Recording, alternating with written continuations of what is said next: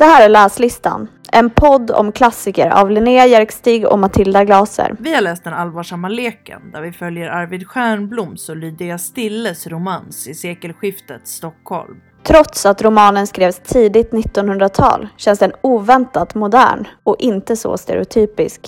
Vi jämför också boken med Gun-Britt Sundströms parafras för Lydia. Tillför 70-talets tolkning något för en läsare med 20-talets glasögon?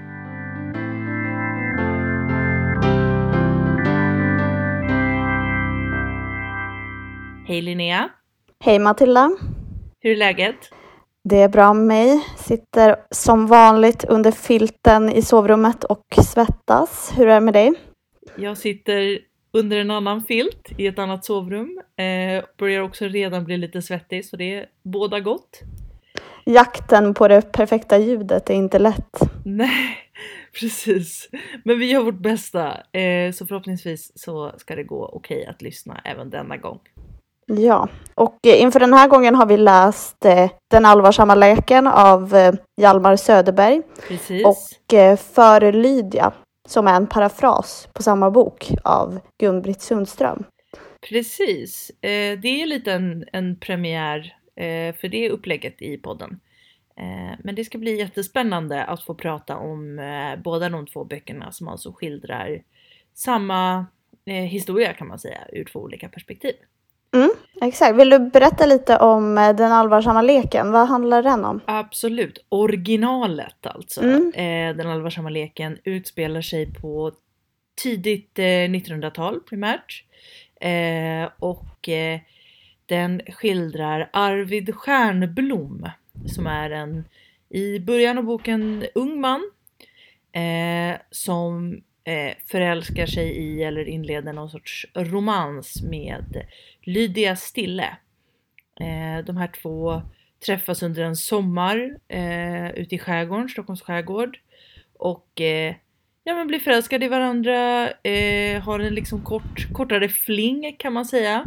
Men eh, när de kommer tillbaka till Stockholm och verkligheten igen så eh, ja, inser de väl eller gör i alla fall själva analysen eller Arvid gör analysen av att eh, den där förälskelsen den räcker inte riktigt till. Han är inte redo att, eh, att stadga sig och han eh, säger därför till eh, Lydia att hon inte ska vänta på honom eller inte ska räkna med deras relation. Ehm, tiden går från att de har skilts åt och först gifter sig Lydia med en ganska mycket äldre man som heter Marcus. Och eh, ett tag efter det så gifter sig även Arvid eh, med, nu har jag totalt glömt bort vad hon heter. Något. Eh, hon... Nej, hon heter Dagmar. Dagmar ja. Det är ett G Eh. med, så det var ju nära. Ehm, och eh, ja men som sagt, den här boken utspelar sig ur Arvids perspektiv. Eh, det kommer ju bli högst relevant när vi pratar om för Lydia. Och han, det här äktenskapet med Dagmar tycks lite sådär som något som bara händer. Och det är ju någonting Mm. genomgående i eh, eh, Arvids syn på världen kan man väl säga. Eh, I vilket fall som helst eh, så efter ett antal år så eh, korsas Lydias och Arvids vägar igen. Och eh, de inleder en eh, affär. Som tar sig en väldig massa turer och pågår under ganska många års tid. Eh, ska vi lämna det där så länge kanske? Mm. Man kan, jag kan bara tillägga en sak. Det här med att Arvid inte vill träffa henne direkt efter sommaren också har ju med att göra att han inte anser att han har råd att försörja Just det. henne. Just det. Nej men precis, det är väl en liten kombination av att han dels eh, tycker att han är lite, han är inte redo att stadga sig, han vet inte ens riktigt vad han ska göra med sig själv och sin karriär och han har precis flyttat till Stockholm. Men precis, han har inte heller ekonomin för att liksom... Och han är ju ganska ung också eh, då, Precis. så han vill väl satsa på karriären. Hon är 19 och han är 22 tror jag när de träffas. Mm, just det. Eh, men man kan väl säga att det här är, eller jag skulle vilja säga att det är en ganska klassisk kärlekssaga. Eh, ur den, eh, ja men just eftersom de, men de är kära, de sta- känner stark passion för varandra, men de tycks bara gå om varandra Ah, hela tiden. Ja, verkligen. Och den påminner lite också om Stolthet och fördom, eller Elisabeth och eh, Mr Darcy ja, precis. på sätt och vis. Om, om det är den lite mer liksom eh, lättsamma eh, brittiska skildringen av, av, av den här typen av will they, won't they, gå om varandra kärleken så är det här den lite dystra Stockholmsvarianten. Mm, den mer allvarsamma varianten. Den lite mer allvarsamma och eh, mulna varianten. Kan man ju säga. Jag tänkte på en annan eh, bok och, det har nog också att göra med att jag har börjat titta på eh, tv-serien som precis har gjorts av den, nämligen Normal People. Ja, den har jag inte hunnit se. Men Ja, jag är jättesugen på att se den. Ja, men så- den påminner ju också om det. Det är därför det är en sån här klassisk eh, kärlekssaga. Typ. Ja, nej men för det finns två saker som jag tänkte på där. Dels är det den här liksom två personer vars vägar liksom går sida vid sida under många år och de utvecklas som personer och de har hela tiden det här, de, deras vägar korsas men liksom inte riktigt för att eh, eh, de fortsätter liksom inte gå sida vid sida utan deras vägar korsas mer stundtals. Men också den här obe, obeslutsamheten som finns i eh, Arvid finns ju också lite grann i eh, Connell heter han va, huvudpersonen i eh, Normal People. Ja, just det. Ja, det gör den ju. Och de påminner kanske lite varandra karaktärsmässigt också. Fast ändå inte. Ja, jag vet inte. För Arvid är ju med om ganska tidigt i den här boken, jag tror att det är den här redaktör Markel som arbetar på tidningen där eh, Arvid eh, tar anställning. Han säger man väljer inte. Man väljer varken sitt, eh, sin hustru eller sitt öde ungefär. Mm. Eh, och det där blir ju någonting som eh, lite följer Arvid under livet och bland annat eh, kanske är ett av skälen till att han eh, gifter sig med Dagmar trots att, de inte, eh, att han inte är så kär i henne. Jag har citatet här. Ska jag läsa hela Ja, i sin helhet? Man väljer inte sitt öde och man väljer lika litet sin hustru eller sin älskarinna eller sina barn. Man får dem och man har dem och det händer att man mister dem. Men man väljer inte. Ja, eh, Men det känns ju lite som ett nyckelcitat i den här absolut. romanen och beskriver ganska mycket Arvids karaktär. För jag tycker typ att det mest utmärkande för hans karaktär är att han är väldigt passiv. Japp, absolut. Jag håller helt och hållet med. Eh, jag eh, tänker att det där påståendet som du säger, det är absolut ett nyckelcitat. Och det blir liksom också både falskt och sant i eh, Hjalmar Söderbergs värld. Alltså jag tänker att det både är så i någon mån. Eh, apropå det vi var inne på innan att så här, kärlek i det tidiga 1900-talet behöver ju inte eh, räcka för ett äktenskap. Det drar ju återigen en koppling till stolthet och fördom också. Alltså eh, olika ekonomiska faktorer spelar ju också in i huruvida man får eller tycker sig bör, böra gifta sig med någon. Mm. Så där finns det ju ett, ett man väljer inte. Eh, men eh, det finns ju också, nå- det känns ju också lite grann som att Arvid tar det där citatet och så liksom håller han det eh, framför sig som något sorts försvar för att slippa fatta beslut ibland. Mm. Ja, men jag håller med. Jag tycker också att det känns som att, ja men precis som att du säger så här, han väljer inte kärleken. Han väljer inte äktenskapet, han väljer definitivt inte barnen, utan Nej. allt de här verkar bara komma till honom av rena tillfälligheter. För, eh, vad heter det, nu tappar jag namnet på henne, vad hette hon? Magda? Nej, det hette hon inte. Dagmar. Dagmar. Eh, hon eh, lurar ju nästan in honom i det här äktenskapet. Mm, Eh, men sen däremot så känns det ju verkligen som att han väljer att inte vara med dem längre. Han väljer ju Lydia senare. Mm. Så där tar han ju ändå ett val. Så det verkar som att han tror på ödet när det passar honom bäst. Ja, precis. Eh, lite så ja, exakt. Att, att det, är ju, det är ju ganska skönt att slippa fatta beslut och om man ska vara lite kritisk mot eh, Arvids eh, livsinställning så skulle man ju kunna säga att att inte välja är också ett beslut. Att välja. Mm. Ja. Men jag tycker det är roligt för att eh, Arvid beskrivs ju verkligen som Alltså inte en riktigt stereotypisk man på det sättet att han är så passiv. Nej. Och det gör ju inte heller Lydia, för hon är ju verkligen, eh, ja men som man tänker att, eller som enligt mallen en kvinna inte var på den tiden. Nej, alltså hon nej, är väldigt aktiv, hon drömmer om frihet, hon tar saker i sina egna händer och sådär. Ja, absolut. Och det tycker jag är väldigt intressant för man tänker ju att en sån gammal bok, eller den är från 1912, Mm. eh, skulle skildra mer stereotypiska personer i en kärlekssaga. Eller Precis. kärleksberättelse. Och det är väl ett av skälen till att den och eh, även Hjalmar Söderbergs liksom, övriga verk eh, fortfarande är så populära och eh, i någon mån också känns så aktuella än Mm. idag. Liksom. Ja, för den Eh. här tycker jag ändå känns ganska modern på olika Mm. sätt. Men inte minst på grund av den här osäkerheten som vi pratade om. Att det är den här osäkerheten som är drivande i Ja. boken. Eh, och att både Arvid och Lydia är osäker.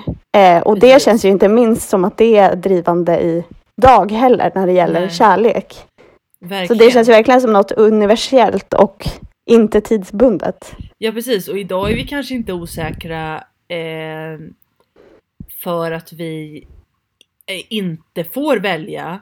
Eh, vi har ju inte liksom samma, i alla fall inte liksom vi i en svensk kontext, eh, samma kanske begränsningar när det gäller vem vi får gifta oss med. Utan snarare kanske att vi har så mycket att välja på. Mm. känna. Ja men exakt, Det skapar att ju det, blir, precis samma osäkerhet liksom. att det blir ett överflöd. Men också att man, ja men jag vet inte, att det också blir att eftersom man inte förväntas träffa sin stora kärlek när man är 13 och vara Nej. tillsammans med den resten av livet, så finns det ju så många valmöjligheter. Typ. Ja Och absolut. det leder till osäkerhet och osäkerhet gentemot varandra såklart. Mm. Absolut. Men jag tycker den känns modern på flera sätt och inte Mm. minst på sättet som den är skriven på. Mm. Men också gestaltningar av den här osäkerheten. Det finns ju typ ett tillfälle när de pratar, ja men typ när Arvid tänker på någonting och Lydia frågar så här, vad tänker du på? Han, ingenting. Och hon säger, eh, nej men det är bara för att du inte vill säga det till mig alltså. Och jag tänker bara, hur många gånger har man inte haft just den här konversationen? Jag skulle precis fråga dig så hur ofta har du och din kille den konversationen? Väldigt ofta. och sen kommer så här, är du sur? Nej Ja, jag är inte exakt. sur. Så bara, jo du är sur. Nej det är jag inte. Ja, jag är sur. Nej men jag håller med och jag, tänker, jag tänkte också på precis det, så här, varför känns den här boken så modern och så aktuell? Och jag tror att, som du säger, att det har med språket att göra. Det har nog med eh, att det är känslorna som är så rådande. Mm. eh, i boken och känslorna i sig liksom är ju på något sätt tidlösa liksom.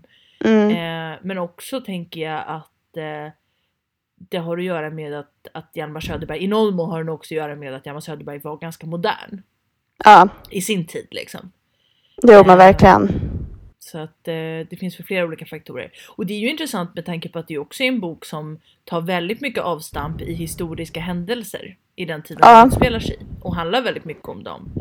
Eh, unionsupplösningen med Norge till exempel, Titanics Mm. förlisning nämns ju. Eh, Oscar den andres död. Precis, Bråken med Strindberg, de var lite Ja. underhållande tyckte jag. Precis. Och det finns ju också jättemycket referenser och de tänker jag inte att vi behöver rabbla upp nu men han har ju, det är ju väldigt många verkliga personer som förekommer i boken under eh, lite olika välmaskerade eh, pseudonymer kan man väl säga. Mm. Eh, och eh, den här tidningen Nationalbladet som han jobbar på ska väl som jag förstår det vara Svenska Dagbladet. Mm. Ja men exakt och det är väl också en sak som om man hade läst den här boken när den kom och man levde i den tiden som man eh, kanske också ännu tydligare hade Mm. märkt det här. Ja verkligen. Eftersom man, jag, vet, jag vet inte vilka de personerna är som är maskerade och det är inte heller så viktigt för handlingen. Nej absolut inte. Det är ju lite roligt att läsa om. Eh, Det är väl bland annat så Ellen Key och Verner von Heidenstam och såna här personer som man, Mm. vissa man känner till idag men och vissa som man inte alls, eller i alla fall inte jag alls har någon aning om vilka de är. Det är ju lite roligt men man behöver ju inte ha den förkunskapen för att uppskatta det för det är ju eh, den har ju på det sättet kanske två nivåer då, att det finns en verklig nivå men den liksom litterära fiktiva nivån är ju i sig liksom en, en, eh, hel och full upplevelse. Liksom. Mm. Men alltså jag hade glömt, jag läste den här boken för några år sedan och jag hade glömt hur mycket den utspelade sig på en tidningsredaktion. Mm. Och jag tyckte att det var så underbart som, ja men vi båda är ju journalister, Mm. och ta del av den världen att få vara på en tidningsredaktion i början av 1900-talet. Det var fantastiskt. Ja, verkligen. Det var en annan tid. Mm. Eh, får man ju säga. Det påminner inte så mycket, skulle inte jag säga, om eh, vår vardag som journalister. Nej, det verkar också som att det var så lugnt och härligt. Han glider in på jobbet på eftermiddagen typ och Ja. eh, går och recenserar någon teaterföreställning typ och sen går han hem mitt i natten. Ja, men han, precis, han jobbar ju mycket sena kvällar för att han går på en föreställning och sen går han till redaktionen och skriver sin recension och sen så eh, skickar han ner den till eh, tryckeriet som liksom ligger på nedre botten typ. Mm. Eh, Jag menar också typ att eh, det kommer, ja, men det är någon eh, kvinna som flörtar lite med honom på någon middag och så skickar hon in lite noveller för att hoppas att de ska komma in i tidningen. Och så sitter han och läser dem där och det är så roligt när han sitter där och läser och kommenterar dem och den första är så här, ja den är okej, den andra bara, det här är värdelöst och så den tredje bara, det här, det här är någonting. Mm. Och man känner verkligen den här känslan när man har, ja men nu är det en novell, men när man har en bra grej som Mm. man har luktat fram och den Mhm. känslan är ju fantastisk. Ja, men återigen även i förhållande till hans yrke. För det, i början av boken handlar ju mycket om det. För han har ju lite två möjliga karriärbanor. Han är dels inne på att bli lärare och sen eh, journalist. Och till slut väljer han eh, journalistbanan. Mm. Men även det känns ju som att det är mycket bara så som det blir. Alltså, han fattar väl något beslut där om att inte eh, satsa på läraryrket. Men sen är det ju lite så här, han blir musikrecensent för att det är någon som är sjuk typ. Och så får han hoppa Mm. in och sen börjar han hålla på lite med eh, utrikes eh, nyheterna och det är också för att någon är bortrest. Alltså det är Mm. lite sådär. Men det så- var, så är kändes ju också som att det var lite, att det var en liten önskan hos honom också. Eh, att få syssla lite med utrikes. Ja, Ja. men det men känns precis. verkligen som att det är ett riktigt liv som gestaltas. Arvid känns som en riktig person.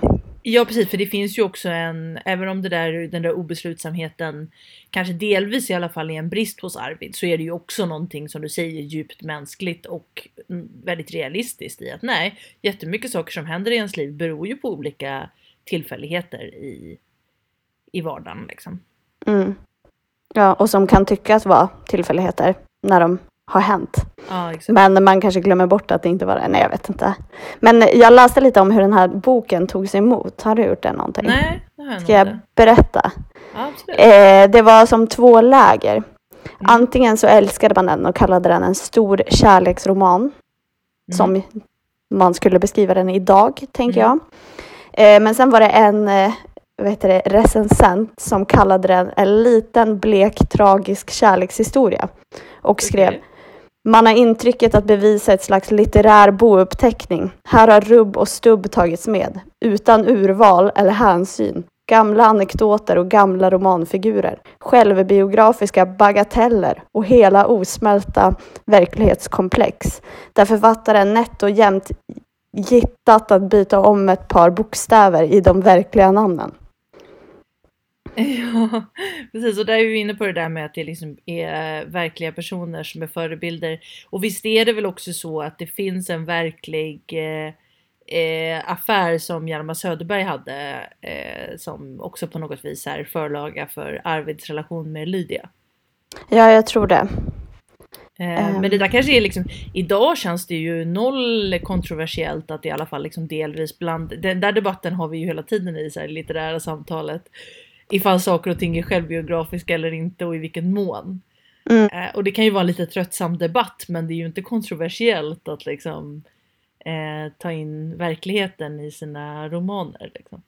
Nej, men det är ju också en sak som, jag menar, när romanen har x antal år på nacken, som an, eh, då blir den ju antingen eh, värdefull ur ett skvallerperspektiv, eller ett kva- skvallersyfte. Ja, Eller så blir den ju det för att den är, nej, men har litterära kvaliteter eller överlever liksom sin tid. mm, Och det skulle jag säga att den här romanen, att det är snarare liksom en bra Ja, roman ja. Mm. än liksom skvaller, skvaller vad heter det, syfte som man läser den. Ja men precis, om, om vi som inte har någon relation till verklighetens von Gurkblad eh, ändå uppskattar boken så är det ju för bokens skull. Liksom. Ja men exakt. Eh, men om vi bara ska, vi ska väl gå över och prata lite grann om, om den andra boken också, men eh, vad tycker du om den här boken? Mm.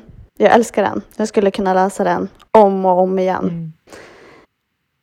Jag vet inte, jag, jag har också läst Dr. Glas som Mm. Hjalmar Söderberg har skrivit och den tycker jag också är otrolig. Mm. Han hittar liksom raka, till, på utsidan enkla handlingar men som är så djupt kom, eh, alltså komplicerade eh, psykologiskt och innerligt liksom. Ja det är ju verkligen Och det två tilltalar mig. psykologiska romaner. Alltså både Den halva sommarleken och Dr. Glas är ju väldigt, väldigt psykologiska. Vad, vad tycker du om den Alva Nej men jag, jag, jag håller helt med. Jag hade faktiskt inte läst den tidigare. Vilket... Eh, eh, ja men det är också en sån här som så här, varför har jag inte gjort det? Däremot har jag läst Dr. Glas och den tyckte jag jätte- jättemycket om. Även om det var ganska länge sedan jag läste den. Ehm, men när jag satt och läste den allvarsamma leken så eh, kom eh, Nisse, min man, förbi och så sva- sa han så här. Åh, jag önskar att jag fick läsa den allvarsamma leken för första gången igen. Han Ja, var liksom avundsjuk på mig som fick läsa den för första gången. Så där som man kan vara eh, om vissa böcker. Som man bara var, liksom, avundas folk som får uppleva för första gången. ja men sådana som är liksom ett slag i magen och den Ja. känslan kan man aldrig uppleva igen. Nej.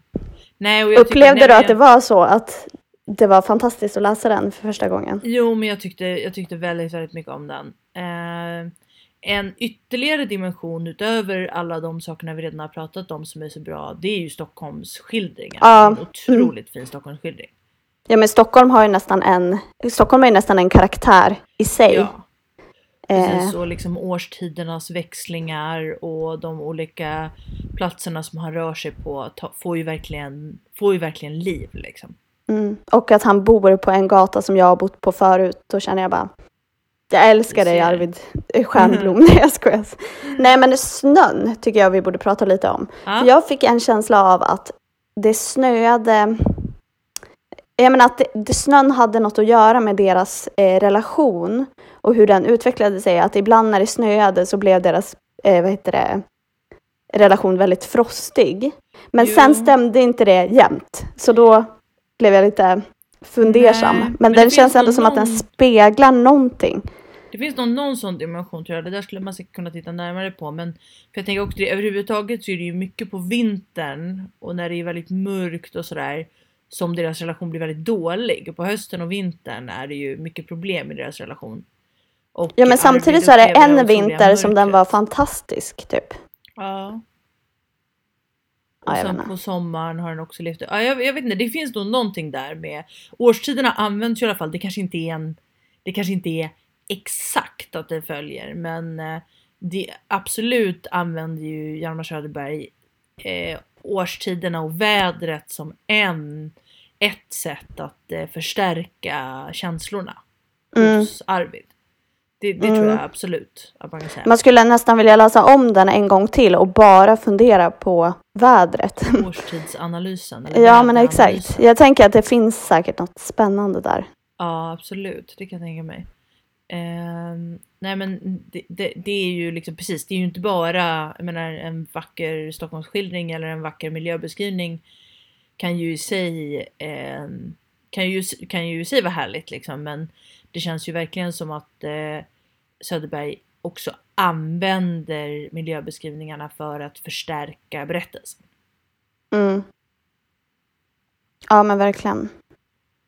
Och det kan man väl säga kan föra oss över till för Lydia. För att en av sakerna som eh, Gun-Britt Sundström har eh, tagit fasta på Mm. är ju just de här Stockholms eh. Mm. Ja men de, i, i hennes eh, roman så blir, får ju också Stockholm en kropp. Liksom. Exakt. Men man kan väl bara säga, ska vi inte bara ge ett litet perspektiv, eller eh, ja, men sätta för Lydia i något sammanhang. Absolut. Typ att den kom 73. Eh, det är en parafras på den allvarsamma leken. Men istället för att följa Arvids perspektiv så följer vi Lydias. Precis. Eh, och, och det är inte chef, sekelskiftet Stockholm, det är 1968. Precis. Eh, och istället för ja, men, eh, unionsfrågan eller Oscar den andres död eh, så är det smittsko- smittkoppsepidemin, mordet på John F Kennedy och Vietnamkriget som alla Mm. pratar om. Och studentrevolten. Men precis. Exakt. Miljö, miljöbeskrivningarna är ju de samma. Stockholm har samma kropp. Och eh, de här liksom. Även det här greppet med att använda liksom samtidsskildringar på nyhetshändelser för att sätta scenen används ju här. Om en Mm. annan tid då. Exakt. Och de, hennes roman följer ju i princip till punkt och pricka eh, Söderbergs roman. Ja, Hon har ju liksom läst ett kapitel och sen har hon skrivit samma kapitel ur Lydias perspektiv i princip. mer Så det är ju liksom samma handling. Eh, även om det såklart händer olika saker. Men det är ju samma kronologi kan man väl säga. Scenerna, första och sista scenerna är ju i princip identiska. Alltså det har gått eh, lika lång tid liksom och det är samma skede liksom. Mm. Men när eh, vad heter det, Arvid befinner sig på sin tidningsredaktion så befinner hon sig utomlands på smekmånad. Alltså, så man får ju se Ja. olika delar av samma händelseförlopp kan man väl säga. Ja men precis. Och sen är det en del andra saker som har bytts ut såklart. Eh, typ mycket, stora delar av brevväxlingen som skedde mellan Lydia och Arvid har ju bytts ut mot telefonsamtal såklart. Eh, ja, en stor sak som jag tyckte var, eller en sak som jag tyckte var en stor skillnad, det var ju att eh, Marcus, alltså Lydias man, den där Mm. äldre man, mannen, i den allvarsamma leken så ville han inte ha barn för att han menade på att han var ett geni och genier får korkade barn. Ja. Men i för Lydia så vill han inte ha barn för att han känner oro för framtiden. Så det är lite så här små Ja. nyanser som har ändrats för att passa in bättre. Ja men precis, hon har ju verkligen gjort, gjort jobbet där i att så här, vad, vad är fortfarande, ja men vad är lika aktuellt på 60-talet som på 10-talet och vad är inte det? Eh, Ja, exakt. Och liksom valt bort och anpassat utifrån det. Men kärlekshistorien som vi ju redan har konstaterat är ju tidlös. Eh, Exakt. så Det är ju samma, samma samma missförstånd som är drivande i deras relation. Ja, Men däremot så tycker jag att i För Lydia så upplevde jag mer att de såg sig själva, alltså båda, både Arvid och Lydia såg sig själv mer som offer mm, än vad de gjorde i den allvarsamma leken. mm, Att de gick och tyckte synd om sig själva på ett annat sätt. Det kanske också säger något om 60-talet Ja. jämfört med sekelskiftet. Jag vet inte. Eller om samtiden. Eh, exakt. Eh, nej men jag gick nog in i läsningen av För Lydia och tänkte att den skulle mer handla om att liksom ge Lydia upprättelse. Mm. För att Lydia framstår ju i den allvarsamma leken, även om Söderberg skriver väldigt eh, ja, men ganska objektivt och beskriver, han beskriver ju förvisso liksom Arvids känslor men det är ju mer Arvids känslor av sorg och av att förlora den man älskar och inte kunna få den man älskar. Så är den ju inte så så dömande mot Lydia men det är ju ändå väldigt uppenbart att det är hon som väljer att inte vara med Arvid i slutändan liksom. Eh, och givet det så hade jag tänkt, jag tänkte okej men nu är perspektiven vända. Att det skulle handla mer om att ja, men mer om att liksom försvara Lydia på något sätt eller visa på ett helt annat perspektiv på det. Men hur menar du med försvara? Eh, nej men liksom eh, rentvå henne från Mhm. rollen som skurk Ja, i okej. berättelsen. Och på ett sätt så får ju hon upprättelse på det viset att hon får en röst och att hon får ett perspektiv. Eh, men jag upplever inte som att Gun-Britt Sundström strävar efter att försvara Lydia direkt. Utan mer Mm. liksom förklara och ge hennes eh, agerande kropp liksom. Mm. Men ger hennes agerande någon form av förståelse? Eller, Ja, alltså att, mm. ja. Men jag vet inte, jag upplevde nog inte samma sak. Jag upplevde inte att hon utmålades som någon skurk i den allvarsamma leken. På samma sätt, tror jag. Ehm, utan jag upplevde nog ändå att den Lydia som jag såg i Den allvarsamma leken var ganska lik den Lydia som jag såg i För Lydia. Jo men det är lite det, är det jag menar tror jag. Alltså att, Ah, okej. eh, att, att jag upplever ändå att eh, jag upplever nog att jag förstod Lydia i den allvarsamma leken på ungefär samma sätt som jag förstod henne i För Lydia. Mm, men så känner jag också. Ehm, men att jag tänker... Att, men, att, men att hennes... Att jag läste in hennes... ehm, eh, liksom förklaringen bakom hennes agerande. Att jag läste in det i den I den, allvarsamma leken. ja. För att Men det skrivs gjorde jag också för att det kom där. ju ändå ledtrådar om det. Alltså det stod ju ändå det fast mer mellan raderna hur hon Alltså Ja. varför hon agerade som hon gjorde.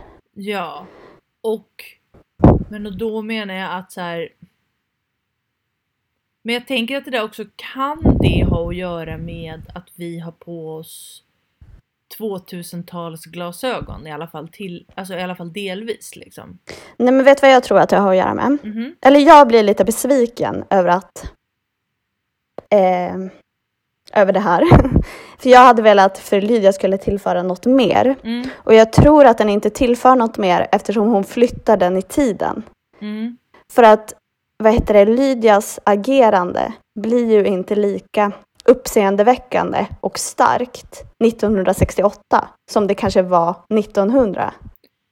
Och att Nej. jag upplever att jag skulle vilja ha Lydias förklaring på ett 1900-tal. Alltså Mm, för att det hade mm. blivit mer starkt om man hade vetat att det var en annan tid. Typ. Jag förstår vad du menar, och för det är ju fortfarande, det är ju inte utan konsekvenser som Lydia lämnar sin man och sitt barn ens på 60-talet. Alltså hon har ju jättesvårt att få jobb, hon har svårt att försörja sig, hon tvingas leva på sin man i alla fall, eller sin exman liksom, eller de har väl inte skilt sig men separerat i alla fall till, delvis. Eh, och liksom har det väldigt svårt. Eh, men absolut, det är klart att det ändå är skillnad på att välja att leva ensam som kvinna på 60-talet och på 10-talet. Ja, hade det inte då varit mer intressant att få se Lydias perspektiv på 1900-talet? Eller så här, hur hennes tankar gick då istället för hur det gick på nästan 70-talet. Mm, jo, Eller? kanske. Jo, men, För det jag jag tycker håller med också... om att det blir ju olika saker. Det blir ju Ja. olika, olika Lydia i olika kontexter. Liksom. Och därför borde Lydia ha varit lite mer annorlunda också. I 68. Alltså, Mm. men jag vet inte, för jag, det var en annan sak som jag tänkte jättemycket på när jag läste för Lydia. Mhm. Och det var att, eh, ja men att i för Lydia så tycker jag att de feministiska resonemangen, eller vad man ska kalla det, ja. skrivs fram väldigt tydligt. Eh, och egentligen är det liksom samma resonemang som kom, alltså som skrevs även i den allvarsamma leken. Men där låter man det vara mer subtilt och mellan raderna. Ehm, Ja, men precis. och det var lite det jag menade. Men det är det jag funderar lite grann på. Är det... Eh, det, det, det är där jag försöker liksom tänka så här. Om vi hade läst Den allvarsamma leken på 1910-talet. Eller om vi hade Mm. läst Den allvarsamma leken för den delen på 60-talet eller 70-talet då eh, för Lydia kom ut. mm, Alltså, jag bara funderar på om det finns en liksom att för Lydia kanske behövdes mer på 60-talet eller på 70-talet mm, än vad den gör än vad idag. de, ja, jo, jag fattar. Att vi kanske läser in någonting, någonting mer i Den allvarsamma leken. agerande och i Lydia som person idag på grund av liksom de perspektiv som vi besitter idag. Jo, det kan det ju vara. Att det som vi kanske kan tycka blir övertydligt feministiskt resonemang i för, för Lydia. Exakt. inte egentligen är det, utan det är den kontexten som vi har och den förståelsen som vi har för det, samma skeende. Liksom. Precis, att, att för Lydia kanske behövs inom citationstecken mindre idag. För en modern läsare av den allvarsamma leken. Mm. Ehm, ja, Ja, men för det var en sak som jag tänkte på också var, men i den allvarsamma leken så, så får vi reda på att Lydia tackar nej till möjligheten att gifta sig med Arvid. Mm. Eh, eftersom hon vill ha sitt eget namn och sin egen frihet. Och anser själv att hon skulle kunna ha samma typ av relation med Arvid utan att vara gift med honom. Mm. Vilket måste ha varit jättestor tanke i, alltså i, på 1900-talet, i början av 1900-talet. Mm. Eh, det? väl nästan Men alltså att, kanske. vad sa du? Otillå- totalt otillåten, inte bara eh, inte bara kontroversiell utan kanske inte Nej, möjlig, exakt. liksom. Ja, men och då eh, är det ju samma idé som hon har eh, 1968 då, i Förlydia. Och då tänker jag att den tanken måste ju vara på en helt annan nivå då, att den måste vara mycket mer acceptabel 68 än vad den var 1900. Ja, nej men Och absolut. då tycker jag att det blir lite konstigt för att jag tycker att till stora delar så har hon skrivit om saker ganska fiffigt. Men Ja, ja. vissa saker liksom går inte riktigt ihop med den tiden och skulle behöva lite mer fundering. Typ.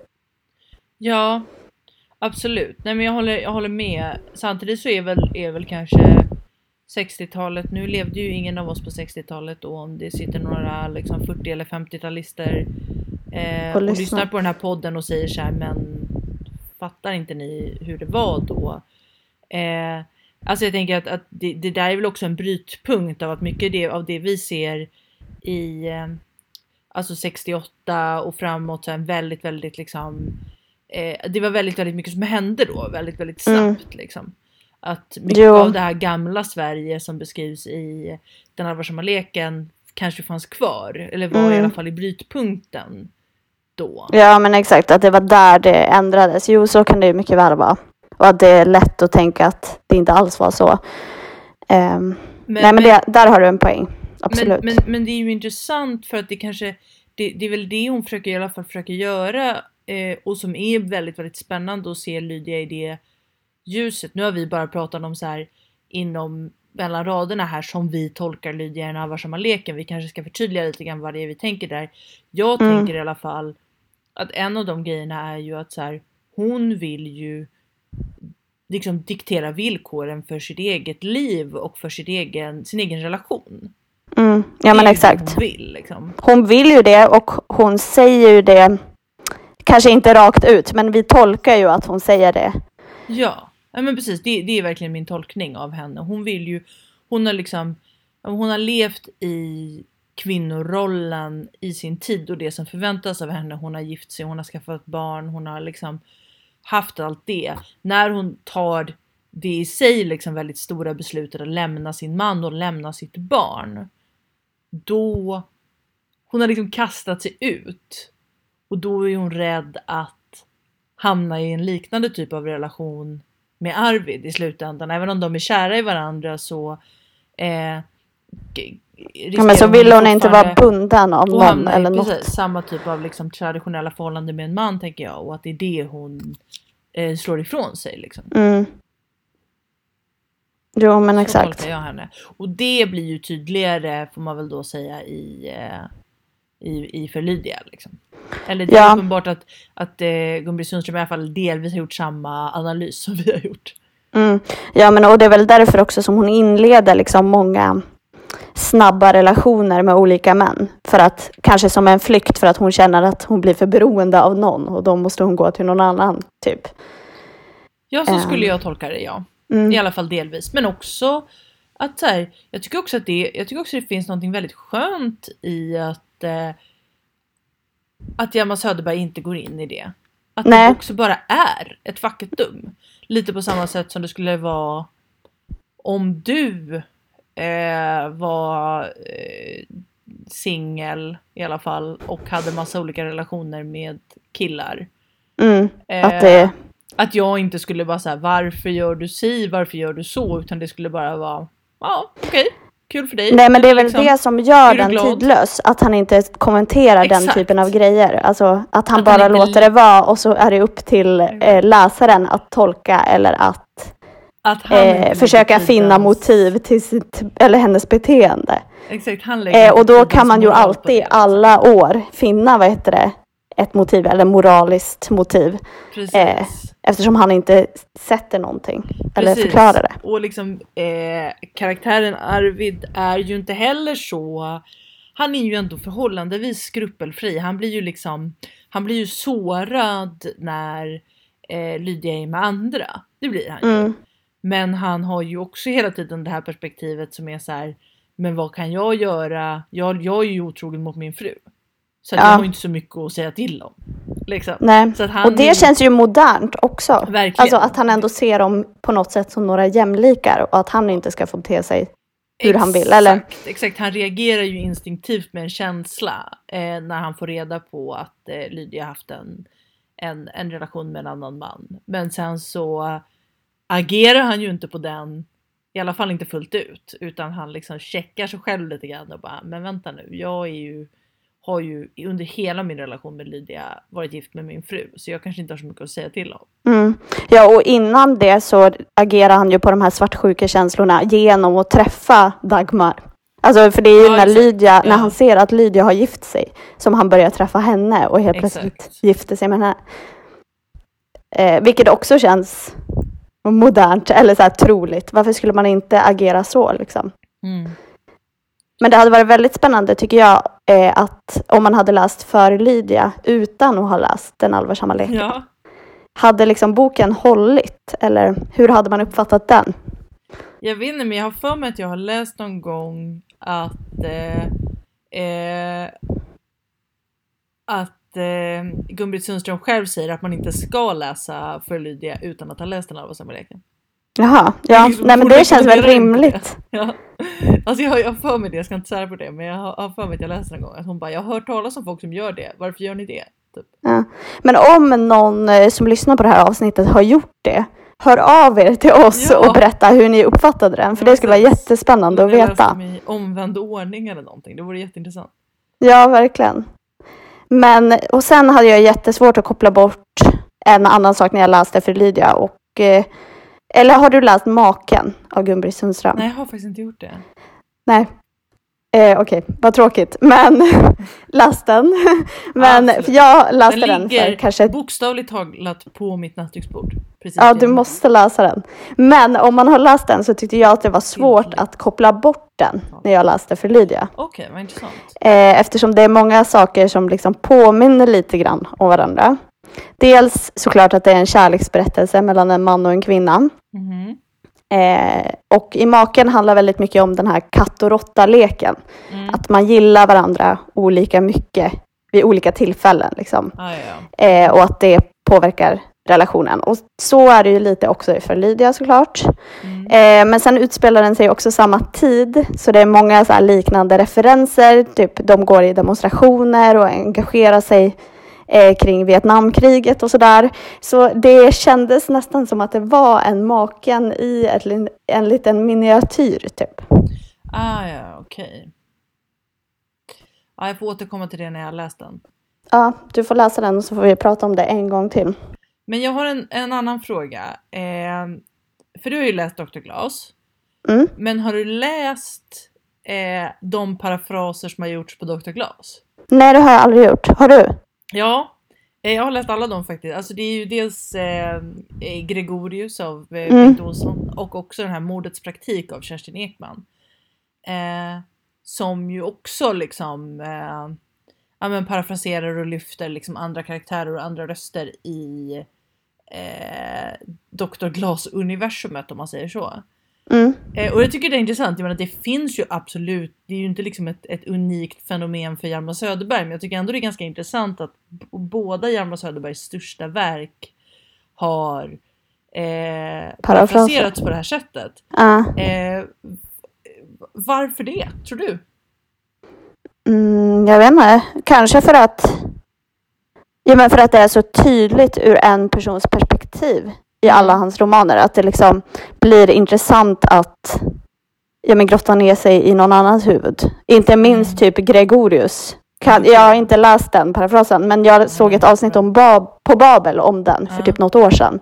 Och blev jättesugen på att läsa den. För att det är verkligen en så här han har många spännande karaktärer som man inte får höra riktigt. Mm. Eller vad tror du att...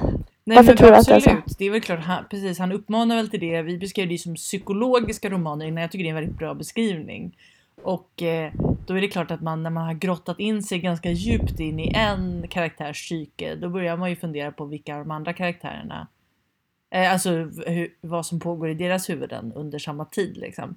Mm. Eh, Men så känner jag också kring eh, vad heter det, Kallocain som vi läste mm, förra veckan. Mm, ja. Eller förra avsnittet. Man skulle verkligen vilja grotta ner sig i, vad heter han? Linda, tänker jag. Jag vill, Ja, jag men vill, jag tänker Linda och han, eh, vad heter det, Bosse vill jag säga. Men han Ja. heter inte Bosse. Vad heter han? vem? Alltså... Bo- Han är chefen. Ja. Ja, precis. Jag har faktiskt glömt bort vad han heter just nu men eh, Ja. eh, jag, jag vill, vi kanske kan skriva varsin Kallocain-parafras. Ja, vi får göra det.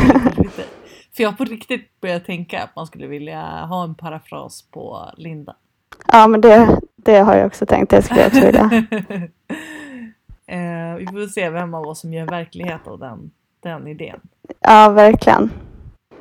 Men eh, eh, ja, nej, men det är intressant. Nej, men, och sen tänker jag också att det har väl också kanske att göra med att som sagt eh, Hjalmar Söderberg är en sån tidlös och eh, älskad författare och Mm. hans verk är så älskade än idag att de därför Men också att han liksom anses vara en av Sveriges största någonsin. Ja men precis, så att de har inspirerat många Många andra författare, eh, mer samtida författare då som de vi har nämnt som då har liksom eh, också utöver sina egna författarskap liksom valt att göra eh, de här parafraserna på de, på de verken. Liksom. Men Mm. jag kan inte komma på några exempel på, vilka skulle man ta annars som exempel? August Strindberg, Selma Lagerlöf. Nej, men det var väl... ehm, var det i Kallocain-avsnittet som jag också pratade om det? Men Ibsen parafraserna. Just det. Ehm, men han är och för sig inte svensk. Men det var den enda jag kom att tänka på nu. Nej, ja men precis. Eh, ja. Ja. Det är intressant. Jag gillar det, den idén. För Det är roligt att kunna läsa liksom. Eller det är väl lite både och. Antingen kan man bli väldigt besviken. Ja, ja, det Eller så tycker man bara att det är ett universum som man vill vara kvar i oavsett vad och bara tycker att det är spännande. Liksom. Det är ju lite som liksom om det görs en eh, remake eller en reboot på någon eh, eh, film eller tv-serie som man har gillat och det kan också verkligen bli pannkaka av alltihopa. Men det känns som att det går antingen svinbra eller svindåligt. Ja, det kan liksom aldrig vara så här. Ja, det var okej typ. Nej, precis. Har du läst något eh, annat kul på sistone? Ja, ehm, eller håller på och läser i alla fall. Ehm, och nu tar vi oss verkligen från en Lydia till en annan och eh, betydligt mycket mer samtida Lydia. Nämligen Lydia Sandgren. Eh, och hennes, tror jag, debutroman som Jo, det är hennes debutroman. som ju eh, då ironiskt nog, eller vad man ska säga, heter Samlade verk. Det är ju en, eh, Superroligt det är tycker jag. en minst sagt, eh, eh, vad ska man säga, eh, kaxig eh, titel på en debutroman, Samlade verk. Mm. Eh, Och sen är väl den eh, romanen jättetjock också, Ja, vilket känns det är också kaxigt. kaxigt också Ja, för att vara en debut. Precis, kaxigt av såväl författare som förlag att ge ut den. Jag tror att den är 700 sidor. Eh, samlade verk. Och jag har kommit kanske så här långt en fjärdedel ungefär. Så Okej. att eh, jag kommer inte ge något slutgiltigt utlåtande om den här boken eh, nu. Utan det får vi återkomma till i en annan podd eller på vår Instagram eller någonting. Eh, den här boken eh, i, i så här långt i alla fall handlar om eh, familjen Berg kan man väl säga. Pappa Martin Berg och eh, dottern Rakel framför allt. Eh, och det är en, eh, om den allvarsamma leken var en Göteborgsskildring så är det här en, eh, eller Stockholmsskildring så är det här en Göteborgsskildring. Så ska det vara. Eh, boken utspelar sig helt och hållet i eh, Göteborg, i alla fall så här långt. Mhm. Eh, och eh, lite svårt ärligt talat att svara på vad den handlar om så här långt. Eh, men det finns ju liksom en bakomliggande intrig som är att Rakels eh, mamma för 15 år sedan lämnade familjen. Mhm. Och eh, det är ju något som har lämnat djupa avtryck. Eh, och eh, en stor del av boken man kan säga att boken varvar ett slags nutid och eh, uppväxt, eh, en uppväxtskildring av alltså, eh, Martins uppväxt, också då i Göteborg. Eh, och hans eh, vänskap med en eh, sedermera konstnär vid namnet Gustav Becker. Och eh, man förstår ju att eh, Gustav och Martin och senare också Cecilia är liksom en, en viktig trio. Cecilia är då mamman eh, som i modern tid har lämnat familjen. Eh, ja, konstigt att prata om en bok som man inte har läst ut och knappt ens vet vad den handlar om än. Men eh, jag vill bara säga som ett preliminärt utlåtande eh, otroligt eh, eh, välarbetad. Otroligt, Mm. otroligt välarbetat språk. Så Eh, du känner att den, ja förlåt. Nej men jag tänker vi får väl se om liksom handlingen håller Mm. för eh, 700 sidor.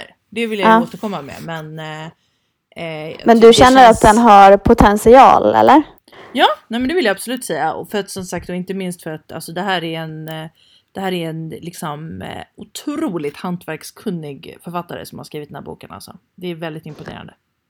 Kul, för jag läste, är inte hon psykolog också? Det kanske hon är, det är faktiskt mer än vad jag vet. Det jag vet nästan kul. ingenting om varken den här boken eller den här författaren mer än att den har fått eh, positiva recensioner. Ja, inte bara positiva heller. Jag tror att det var Aftonbladets recensent som var typ Det här är den bästa debuten jag har läst på Oj. typ hela min tid jag har jobbat här som är över 20 år. Alltså det var så här Ja. helt otroligt. Ja, nej, så att det är eh, höga, höga förväntningar ändå så här långt. Det ska bli spännande att höra vad du tyckte sen när du är klar. Vi får följa upp det helt enkelt. Ja, det måste Eh. vi. Vad har du läst på senare tid? Jag har läst en bok som heter Vuxna människor av Marie Aubert, tror jag. Man säger hon är från Norge. Har du läst den? Nej, jag har den liksom eh, liggande i min eh, e-boksapp eh, sparad, men jag har inte börjat läsa den. Det är en väldigt tunn bok. Den är väl strax över 100 sidor. Mm. Eh, så den går väldigt snabbt att läsa. Eh, och är väldigt... Ja, men man kommer in i den snabbt. Den handlar om eh, Ida som är barnlös och börjar känna att hennes biologiska klocka, eller vad man ska säga, börjar ticka. Mm. Eh, och därför så undersöker hon möjligheten att frysa in sina ägg. Mm. Eh, det är sommar. Hon reser till eh, släktens sommarstuga för att fira hennes mammas födelsedag. Eh, och allt hade väl varit perfekt där om det inte var så att hennes eh, lilla syster berättar att hon väntar barn. Så det är en nyhet som hon kanske inte blir jätteglad över utan mer stressad och ja, men ganska svartsjuk skulle jag säga. Avundsjuk kanske det heter. Och eh, i den här boken så tycker jag att man möter allt utom just vuxna människor som titeln heter, eller som boken heter. Eh, visst är de vuxna åldersmässigt, men de beter sig ganska mycket som barn, alla. Och lite roligt är att det finns ett barn i vad heter det, boken och eh, det barnet används mer som en spelpjäs för de vuxna än att få liksom vara ett barn. Så alla liksom använder alla för att Mm. uppnå sina egna sy- syften. Så på sätt och vis är den ganska elak. Elaka karaktärer men Ja. också fullkomligt mänskliga. Så man tror ju på dem på alla sätt och vis. Eh, det är också, eller jag vet inte, jag tyckte att den här boken var bra. Men den har också varit väldigt hypad, inte minst på Instagram. Mm. Och det gör ju också att man direkt börjar leta efter saker som man tycker är mindre bra. Eller jag funkar så i alla fall. Eh, och en sak som jag tyckte var mindre bra är att den har väldigt många teman. Intressanta teman, men Ja. väldigt många. Det är liksom så här, ja, men nedfrysning av ägg, det är syskonhat, det är moderskärlek, det är ofrivillig barnlöshet Mm. sjukdom till och med. Eh, så jag hade väl önskat att, jag menar, eftersom det just är en sån tunn bok, att Mm. man kanske hade valt ett tema eller några få teman Mm, och ja, låtit dem ta större plats istället Mm. för att vara lite överallt. Så det tyckte jag var lite tråkigt för att exempelvis det här med sjukdomen, det hade man bara kunnat skippa Mm. för det är inte heller någonting som reds ut eller som har en betydelsefull plats i romanen. Nej, jag fattar. Men den var kul. kul att läsa. Eh, men det är inte heller någon bok som liksom har suttit kvar så djupt Nej. skulle jag säga. Du får väl läsa den och säga vad du tycker sen. Ja, ja men jag tror jag kommer, jag kommer göra det i något läge. Så att eh, vi får väl se om jag håller med dig. Eller inte. Mm. Absolut. Men det var, det var den boken som jag ville prata lite kort om. Mm. Ska vi börja avrunda då? då? Ja, men det tycker jag. Följ oss på podden Läslistan på Instagram. Mm. Sätt gärna betyg på oss eh, på den här podden. Eh, där du lyssnar på poddar. Och Vi, vi hörs igen om två veckor. det gör vi. ha det bra! Ha det bra. Hej då!